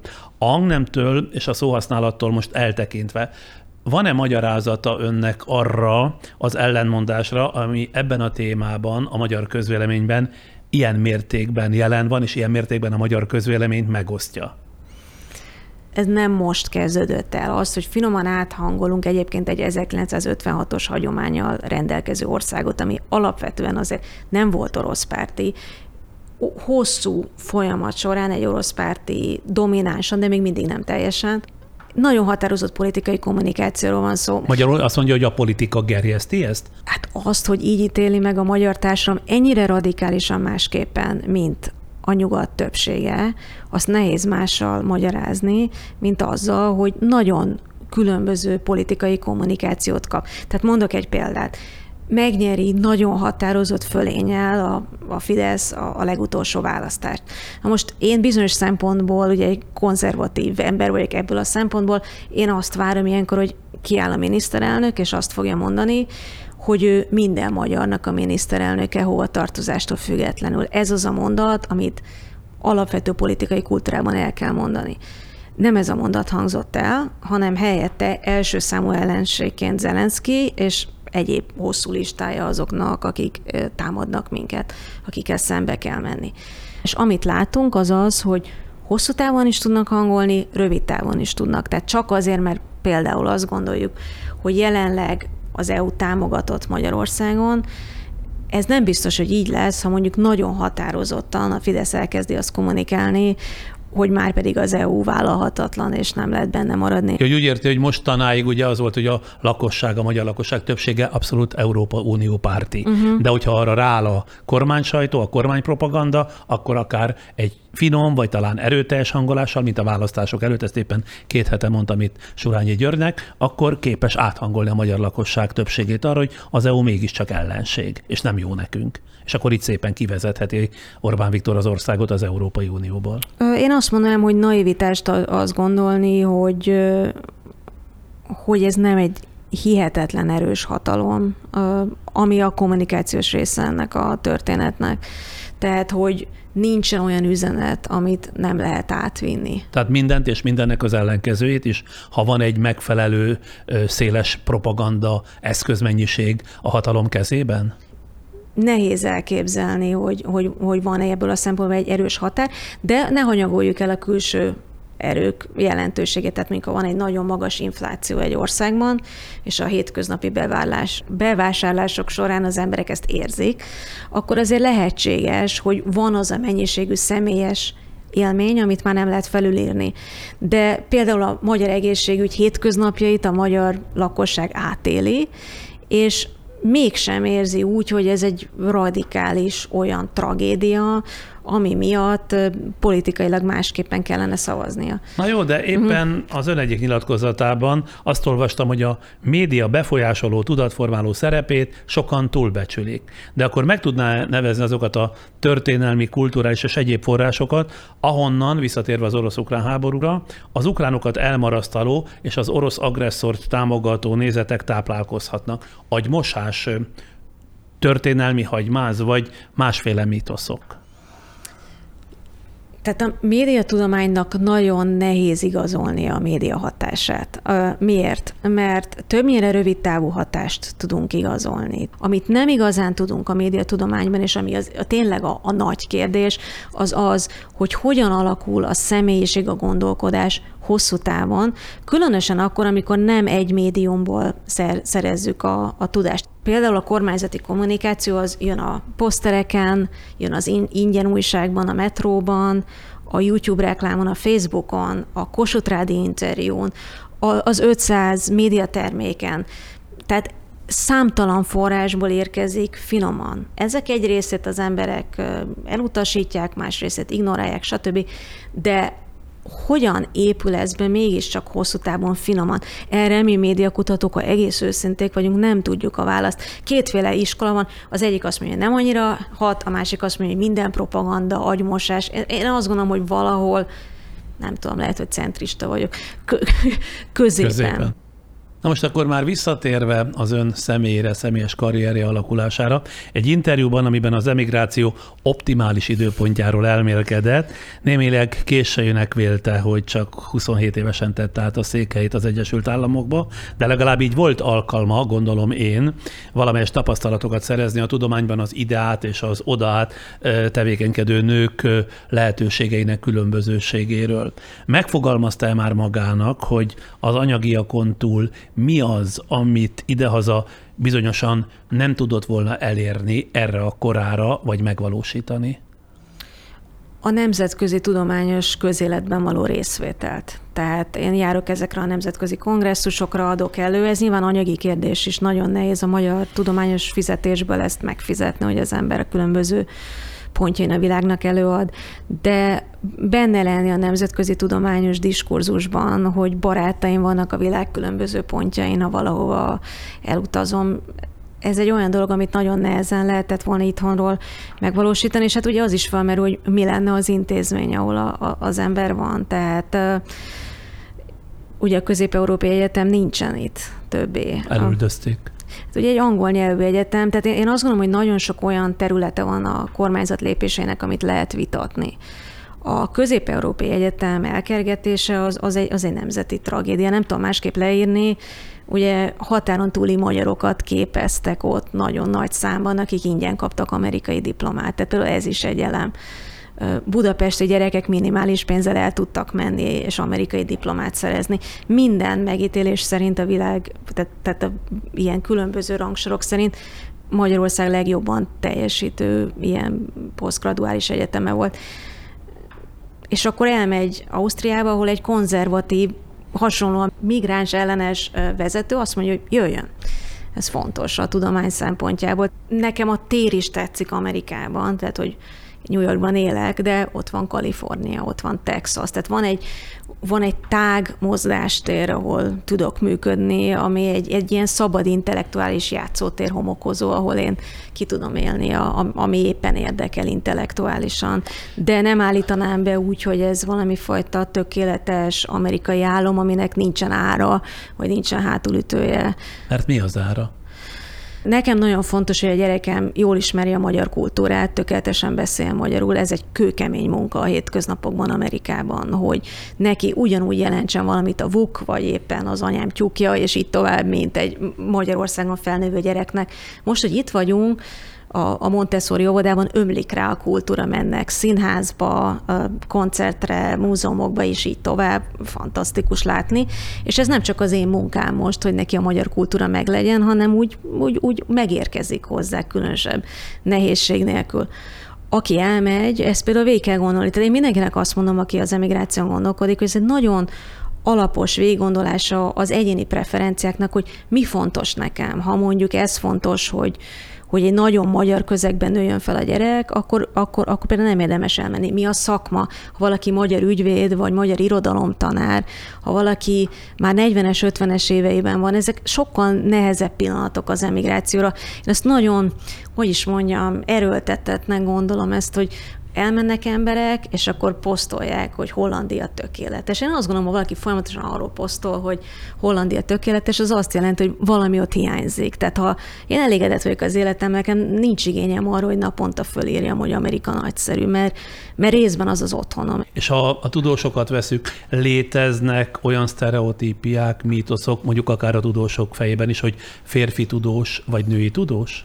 Azt kell, hogy mondjam, hogy Amerikában ez nekem egy nagyon nagy plusz, hogy nőként én azt gondolom, hogy minimális szexizmus mellett tudtam érvényesülni, és azért alapvetően az, hogyha keményen dolgoztam, annak lett valami fajta eredménye. Az ön megfejtése szerint egyébként miért van az, hogy a szakmai elitekben, de a közéletben is meglehetősen kevés a nő?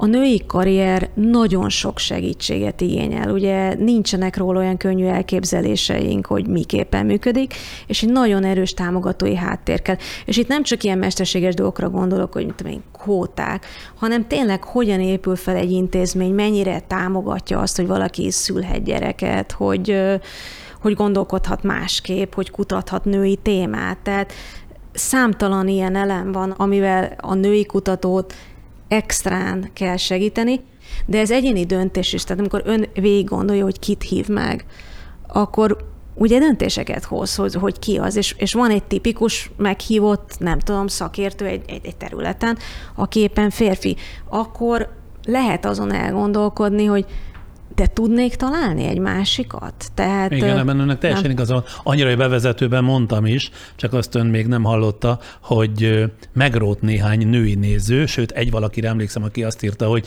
ő innentől kezdve nem nézi ezt a podcastet, mert láthatólag, ha nőket hívok meg, azok mind valahogy handicapesek. Tehát mind valamiféle olyan hátrányos pozícióból beszél, és talán ön az első ilyen értelemben, aki egy sikeres, tudós nő, így aztán talán az a néző is megbocsát, és majd visszakapcsolódik a podcastünkre, mert ő ezt nagyon rossz néven vette, kifejezetten statisztikai tényekkel támasztotta nekem alá, és teljesen igaza volt, hogy amikor egy alanyt választok, nekem földobja a gép, javasolják a kollégáim, stb., de nem gondolkodom el, hogy nem lehetne találni, amit most ön fölvetett, mondjuk ugyanebben a kategóriában pont ilyen jó női vendéget. Talán emlékszik, hogy amikor fölhívott, az első dolog, amit mondott, az az, hogy nincs elég nő a podcastben. És akkor azt mondtam, hogy oké, okay, akkor itt valaki mégis ezt fölmérte. Amerikában egyébként messze nem ilyen az arány? Az arány nem ilyen. Tehát mondok egy példát, a konferenciát szervezünk, és mondjuk kiül négy ember, teljesen elképzelhetetlen, hogy ez négy férfi legyen, mert abban a pillanatban engem a, a Twitteren kinyírnak. Tehát, tehát rögtön fent lesz, hogy ez egy teljesen férfi panel. Nyilván van néha a kivétel, vagy hiba. Európában elmegyek tudományos közegekbe, Németország, Olaszország, nagyon gyakran van az a helyzet, hogy egy konferencián kiültetnek négy férfit, és akkor még a megkérdező is férfi valahol felidézte azt a sztereotípiát, hogy minden sikeres férfi mögött áll egy nő. Miért mondják azt tényleg, hogy a sikeres férfi mögött áll egy nő? Egyáltalán már az is feltűnik, hogy miért mögött? Na ez bosszant engem is. Tehát miért mögött? És ugye, ha végig gondolja, hogy hogy tanultuk az irodalmat, ugye már az általános iskolában vannak a múzsák. A múzsák segítik a, a nagy férfi teljesítményt, de ki segíti a nagy női teljesítményt? És hát ugye egyébként is egy őrület ez a mondat, mert van, aki mögött nincs, aki szingli, van, aki mögött férfi van, és így tovább. Tehát, tehát ezer sebből vérzik ez a mondat, de ha mondjuk el is fogadjuk, ne legyen mögötte, nem? És teremtsünk egy olyan közeget. Tehát, hát igen, és amikor azt gondoljuk, hogy egy nagy teljesítményhez tényleg ilyen segítőkre van szükség, akkor, akkor az, az hogy van a nő esetében. És ami engem még különösen bosszant egyébként ebben az ügyben, amikor ilyen pozitívan mondják, hogy de jó, hogy Flóra összetartja a családot, vagy ő intézi az összes családi logisztikát, és ezt úgy mondják, hogy jaj, de nagyszerű. Na most, ha Flóra intézi a családi logisztikát, az azt jelenti, hogy addig ő nem csinál valami mást. Vagy amikor összetart valaki egy rettenetes, diszfunkcionális családot, szörnyű sok munka. De egyébként ez már a játszótereken olyan finoman jelen van, tehát látom, hogy a, ha egy kislány olyan határozottabb, akkor így azt mondják neki, hogy nem kell dominálni, ne dirigálj, nem kell a középpontban lenni. Most a kisfiú ugyanazt csinálja, akkor menedzser skilljei vannak, huszáros, és hát ugyanígy egyébként a fiúknál is ezzel küzdök, a, a, hogy, hogy sok ilyen üzenet éri a kisfiamat is a játszottéren, hogy mindig erősnek kell lenni, harcolni kell. És én mindig mondom a, a, a Noénak, a kisfiamnak, hogy igen, lesznek olyan helyzetek az életben, amikor erősnek kell lenni, de nem kell mindig erősnek lenni, nem kell ez a... De ez, ez így ömlik már négy éves korban. Hihetetlen egyébként. Ugye nem tudom, hogy mennyire tekinti magát sikeres tudósnak, de adódik a kérdés, hogy az eddigi eredményeiben szakmailag és érzelmileg mekkora szerepet játszik a férje, aki ugye amerikai. Nagyon nagy szerepet. Ez nem megy másképp. Tehát most itt vagyok, ugye ő, ő intézte az estét, napközben a szüleimmel, apukámmal volt a kisfiam, tehát van egy ilyen nagyon erős támogatói rendszer, de, de mondok egy példát. Ugye izgultam nyilván ezen a podcasten, hogy hogy fog sikerülni, én ezeket túlkészülöm, túl stresszelem, tehát abszolút ez a hozzáállásom. És akkor ma reggel, amikor fölkeltem, akkor ott várt egy vers az asztalon, amit a férjem arról írt, hogy miért kell mi, miért nem kell izgulni ennyire ezen a podcasten, menni fog. És hát ez mit tudom, egy ilyen kis vers volt, de rengeteget jelentett, vagy az, hogy holnap meg fogja velem ünnepelni. Tehát nem radikál... Meg fogja ünnepelni, hogy itt I- volt igen, ma este? Igen, biztos, hogy Tényleg? lesz vagy egy süti, vagy egy virág, vagy valami. Tehát ő erre figyel, hogy... Ez nem amerikai mentalitás? Inkább? Azt egy magyar tudom. férj is megünnepelni, úgy gondolja? Ezt nem meg verset írna? Hát ezt azért nem mondjuk így. Nyilván ez a személyiségtől is, is, is függ, de, de én úgy jövök el, hogy, hogy nem kell ezen aggódni, és, és elég megrázó számomra, hogy most, amikor magyar barátnőkkel találkozom, ugye ilyen 40-esek vagyunk, sok sikeres női karrier van, és szinte mindegyik tisztelet a kivételnek, nagyon komoly magánéleti gondokkal küzd, mert a pasi frászt kap ettől, ami jó esetben ilyen kisebb konfliktusokban kimerül, nagy, rosszabb esetben alkohol, erőszakosság, stb. Ami azért van, mert nincsenek meg ilyen módon a kulturális mintái annak, hogy, hogy hogyan megy két karrier együtt, és hát azért lássuk be, hogy ez nagyon komoly feladat és kompromisszum, hogy két karrier egyszerre tudjon működni. Ha mérhető egyáltalán a kettejük szakmája vagy karrierje, melyikük a sikeresebb?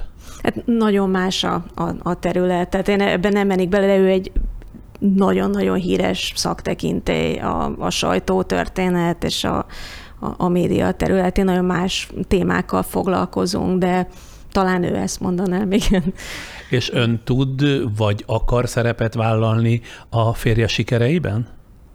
Természetesen, erre nagyon büszke vagyok, ami, amit teljesít, és és amikor szerepel, most ugye nagyon sok interjút adott, mert ő az objektivitással is foglalkozik, és a legújabb január 6-ai meghallgatások zajlanak ugye Amerikában Trump elnök részvétele kapcsán. Ja, a kapitólium megtámadása, illetve annak tisztázása, hogy mennyi volt abban az elnök Trump szerepe. Igen, és ennek kapcsán a férjem folyamatosan interjúkat ad, és ezt, ezt nagyon jó látni, de azt is fantasztikus látni, amikor megír egy szöveget, megmutatja, ő nagyon jól látja azt, hogy mi az igazán fontos az életben, tehát hogy, hogy tényleg figyel arra, hogy egyszerre legyen jelen a, a fiunk életében például, mint apa, és az, az úgy mindent visz nála. Tehát az mondjuk a legfontosabb jelen pillanatban, én azt mondanám, és akkor mellette van a nagy karrierje, de nem éli meg úgy, hogy neki állandóan izgágáskodni kellene, mennie kellene, ez a típusú pasi szerep nincs, vagy dominálni kell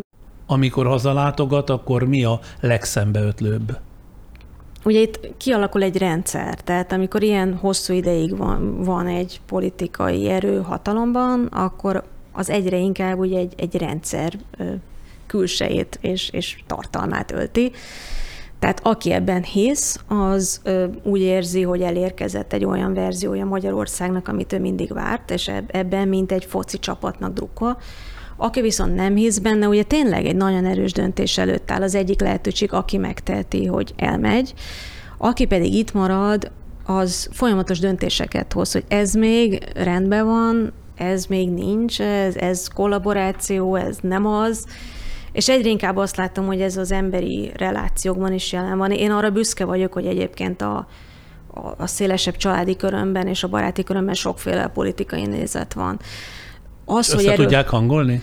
Van, akinél tudom, és van, ahol egyszerűen nem beszélünk róla, csak azért, mert az emberi kapcsolatot fontosabbnak ítélem meg, mint hogy ezen elbukjam de a baráti körök is egyre inkább sérülnek ezen, és például ezen a kérdésen, hogy, hogy, hogy, hogy milyen szinten veszel részt, szétmennek barátságok. Ez még belefér, ez még nem megy bele. Már milyen szinten kollaborálsz? Mennyire uh-huh. működsz együtt a rendszerrel? Igen, vagy ezeket, nem? Igen. Akár azon az alapon is, hogy egyébként más politikai vagy ideológiai alapon nyugszik a te gondolkodásod, de valamiből muszáj megélni, hogy nagyon leegyszerűsítsem, és akkor együttműködik a rendszerrel, viszont ezt egy másik a saját aspektusából elítéli, így érti. Igen, és azért ezek tényleg bonyolult döntések. Mondjuk aki egy magyar állami egyetemen dolgozik, és úgy kapja a fizetését, ő, ő kollaborál, aki részt vesz egy építési vállalkozásban, amiben egy NER elem is van, kollaborál. Tehát mi, mi, hol fogjuk ezeket a határokat meghúzni, és ezek meg fognak határozni családokat, baráti kapcsolatokat, és így tovább. Ez mondjuk nagyon erősen látszik. Ami, ami másik látszik, az tényleg ez az erőteljes. Én soha ennyi e-mailt nem kaptam emberektől, hogy hogyan kell emigrálni, soha. Ha. Tehát, hogy kérdezik igen, ezt öntől, hogy igen, mi a módja annak, hogy elhagyják Magyarországot és külföldre menjenek? Igen jöhetnek-e az egyetememre, mi ennek a feltételrendszere, rengeteg ilyen, sokkal több. És mit mond, vagy mit ír válaszként? Hát azt írom válaszként, hogy ezt, ez nem egy olyan döntés, amit impulzusból fél perc alatt eldöntünk, és ami mindenkinek szükségszerű és a legjobb döntés. Ugye például az egyetemi világban ezek tényleg szívet tépő döntések, amikor valaki ír, aki az egész életét a magyar kultúrában töltötte, és ki akar jönni.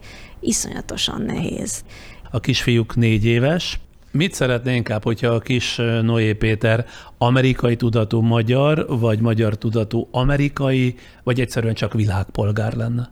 Hogyha ő Amerikában nő fel, ő azért alapvetően egy, egy, egy, egy, egy amerikai kisfiú lesz, akinek ha én jól végzem a munkámat, akkor lesz egy nagyon erős magyar kulturális háttere.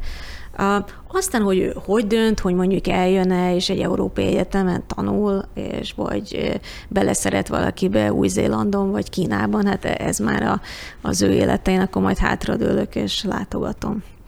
Na jó. Hát jó volt önnel találkozni, meg jó volt megismerni a gondolkodását. Ilyenkor mindig abban bízom, hogyha valaki ilyen objektíven próbál dolgokat elmagyarázni, hogy azok a nézők is, akik vagy egyik, vagy másik oldalon nagyon el vannak fogulva, úgy szabadjára engedik a befogadó képességüket, és képesek megérteni. De hát amit most elmondott, legalábbis a beszélgetés első felében, az valamennyire azt jelenti, hogy teljesen mindegy, hogy mi miről próbálunk beszélgetni, milyen érveket hozunk föl, vagy tényeket. Az emberek többsége többsége úgyis a saját nézetéhez ragaszkodik, meg általában az ember ahhoz is talál megfelelő ideológiát, amit önmagában erősíteni akar, nem? ha számít nekünk ez az ország, tehát nettó gyűlöletre egy ország nem épülhet akkor se, ha nem értünk egyet egy rendszerrel. Tehát, tehát valami módon mégiscsak gondolni kell arra, hogy, hogy van-e olyan terület, ahol tudunk kommunikálni. Engem nagyon régóta ez érdekel. Meg kell találnunk a hétköznapi életnek azokat a területeit, ahol mégiscsak egy ország valamilyen alapvető szinten politikai csatározások, harcok, vélemény, különbségek közepette is együtt tud működni. Legalább alapszintű feladatok terén, különben nem tudom, hogy, hogy, hogy, hogy mi lesz. Köszönöm Zonnevend Júlia, Amerikában élő magyar médiakutatónak, kulturális szociológusnak ezt a mai találkozást. Én köszönöm. Idáig tartott ez a podcast, két hét múlva jövünk újabb beszélgetéssel, de a jövő hét megint a korábbi műsoraim, beszélgetéseim visszaidézésének hete lesz. Kedden, szerdán és csütörtökön ismét felteszünk részleteket 10-20-30 éves televíziós felvételeimből, mind a YouTube csatornánkra, mind pedig a Facebook oldalunkra. A YouTube-on a korábbi Friderikus műsorok válogatásában megtalálnak már nem kevesebb, mint 80 múltbeli anyagot. Az Én mozim sorozatban meg annyi hétköznapi hősömet viszont láthatják, politikai beszélgetéseket például még 1996-ból, az akkor 33 éves Orbán Viktorral, de láthatják Gyurcsány Ferencet, aki hivatalban lévő miniszterelnökként a TV kameráink jelenlétében vitatkozott kormánya gazdaságpolitikájáról. Három vezető közgazdásszal, azóta sem volt példa ilyenre, de feltettük a még 1997-ben készült interjúmat Hitler keresztfiával, Martin Bormannal, hogy a legendás mulattató áriportokról már ne is beszéljek, amelyek közül kilenc már fent van, látható, de persze jönnek még újabbak is a régiek közül. Aztán a gyerekszáj szókimondó kölykei sorra kerültek és kerülnek, és meg annyi olyan interjú közül is válogathatnak, amelyek egykori és mai színész óriásokkal, így például Darvas Ivánnal, aztán Törőcsik Marival, vagy Hauman Péterrel, Garas Dezsővel illetve udvaros Dorottyával készültek. Szóval, amíg két hétig nem leszünk, meg annyi múltbeli csemegét kínálunk, és a szerdán és csütörtökön, meg kedden újabbakkal bővítjük majd ezt a sorozatot. A mai podcastot pedig ezennel befejezetnek nyilvánítom.